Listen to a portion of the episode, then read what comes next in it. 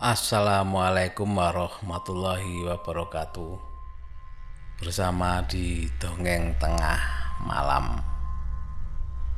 Kali ini saya akan membawakan cerita dari kiriman pendengar Dongeng Tengah Malam Yang bernama Mas Samsul Arif.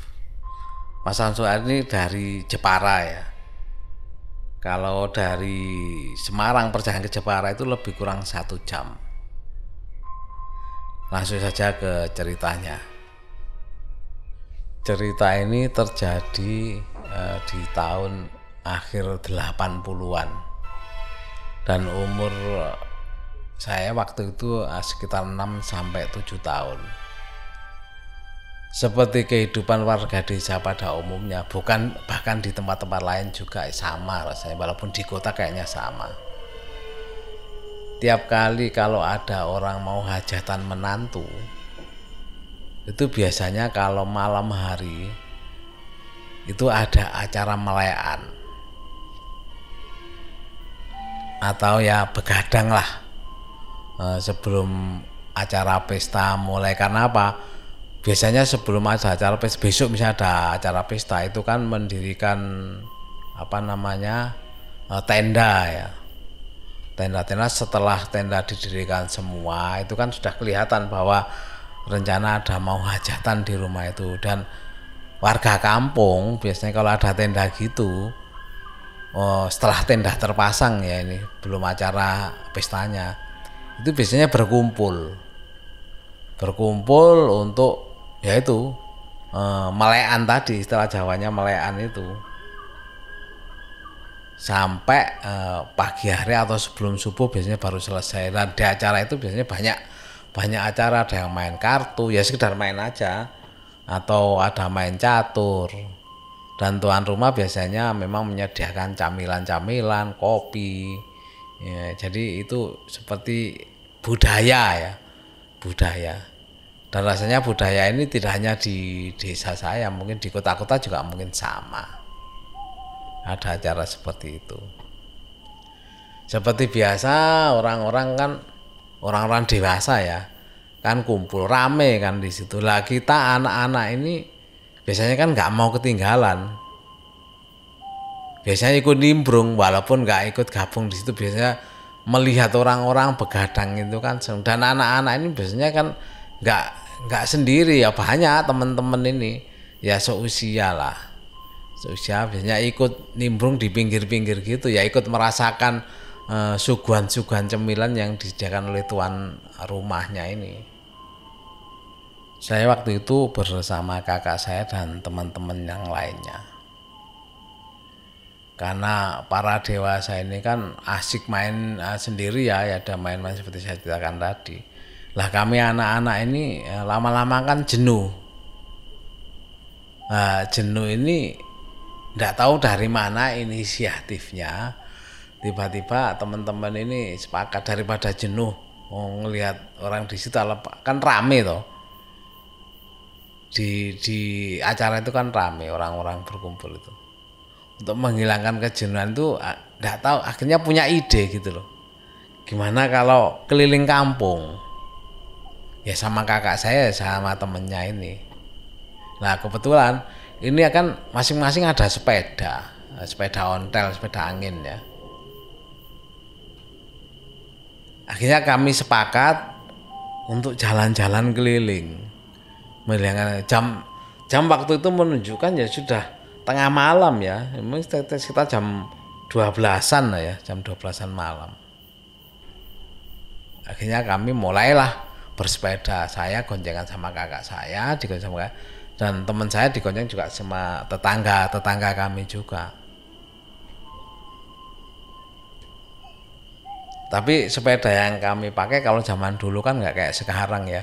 Ada sepeda mini sepeda kecil ya. Kalau zaman dulu itu tahun segituan yang ada sepeda ya istilah istilah dulu bilang ya sepeda jengki.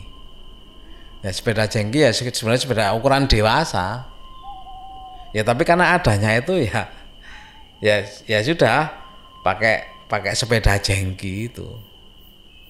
Akhirnya mulailah eh, kami berkeliling. Karena sudah malam ya otomatis kan gelap. Tapi dasar anak-anak ya ya karena kumpul ya seneng aja. Akhirnya kami menerobos eh, di kegelapan malam kan jam sudah menunjukkan jam 12-an lebih akhirnya kami eh, menuju ke kira-kira ya. Kami menuju arah ke timur dari rumah kami. Nggak terasa perjalanan kami kalau dihitung mungkin lebih kurang ya dua kilometeran lah dari tempat eh, orang-orang berkumpul tadi. Di perjalanan kami kami melewati beberapa pohon yang rimbun ya.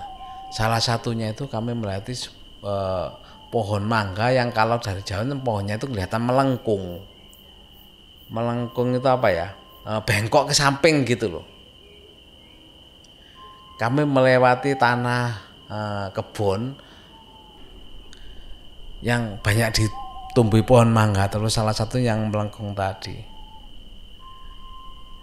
Karena pohonnya itu kan menjorok ke jalan ya otomatis kan jadi perhatian kami semua. Kami berempat masing-masing bersepeda itu ya. Dari jauh tuh kita melihat di atas eh, dahan-dahan eh, atau pohon itu seperti ada titik-titik merah. Nah titik-titik merah ini kalau hewan malam itu kan memang ya seperti itu ya. Kami mungkin waktu itu belum beranggapan apa-apa ya anggap hewan malam. Tapi yang agak aneh yang agak aneh itu titik merahnya itu banyak. Jadi nggak hanya dua titik atau anu. Jadi seperti mata itu ya kalau ngomong mata kalau hewan malam kan mesti matanya dua.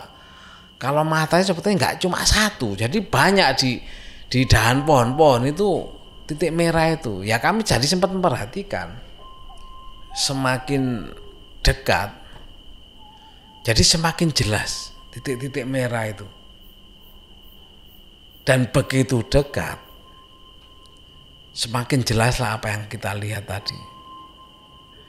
Ternyata begitu mendekati pohon itu yang kita lihat adalah beberapa penampakan-penampakan yang kalau kalau kami lihat pada waktu itu sungguh sangat menakutkan bagi kami. Karena apa? Penampakan tidak cuma satu. Jadi banyak seperti bergantungan di situ itu. Dan salah satu yang sempat kami lihat itu seperti e, bentuk apa ya? Berbadan besar berbulu hitam gitu. Salah satunya itu yang salah satu yang kami lihat. Berbulu hitam itu ada di atas pohon itu dengan mata yang menyala merah seakan-akan seakan-akan mengawasi kita gitu loh. Dan bukan hanya mengawasi seakan-akan menakuti kita memang membuat kita takut. Ya dan kita memang sangat takut sekali pada waktu itu.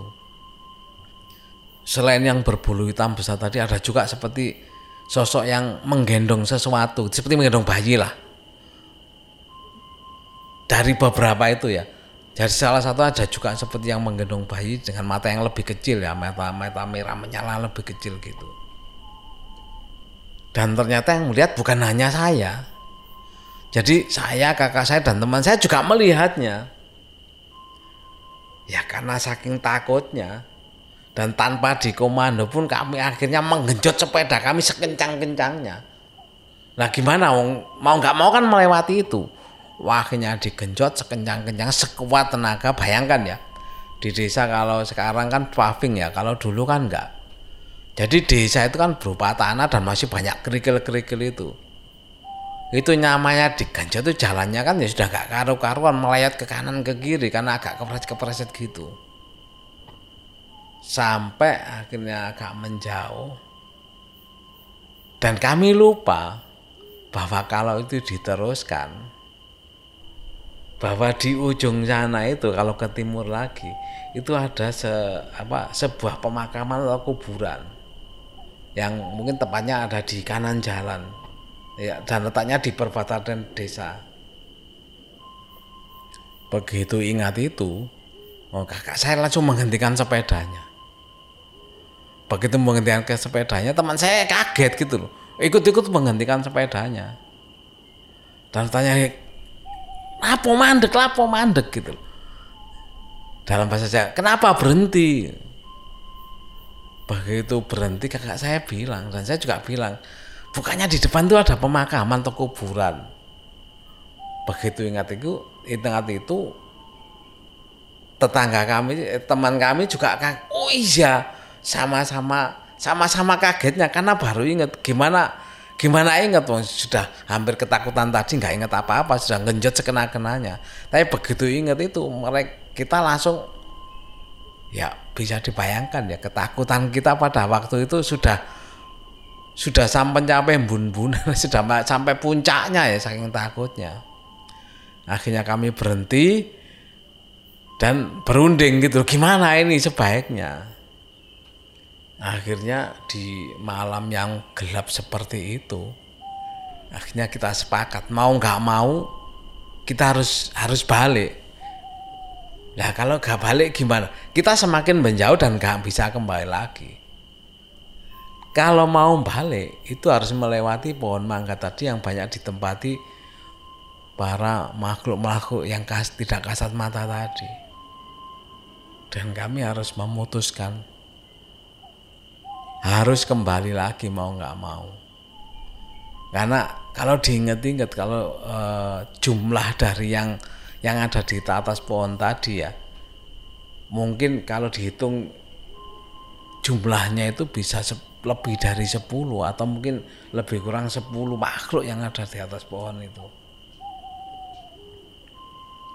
Bisa dibayangkan ketakutan kami saat itu. Karena apa jalan yang kita lewati itu kan banyak kebun-kebunnya. Dan memang suasana sepi apalagi di tengah malam seperti ini. Kalau zaman dulu itu namanya rumah penduduk itu nggak sepadat sekarang ya. Jadi kalau kita lewati banyak kebun baru beberapa rumah penduduk.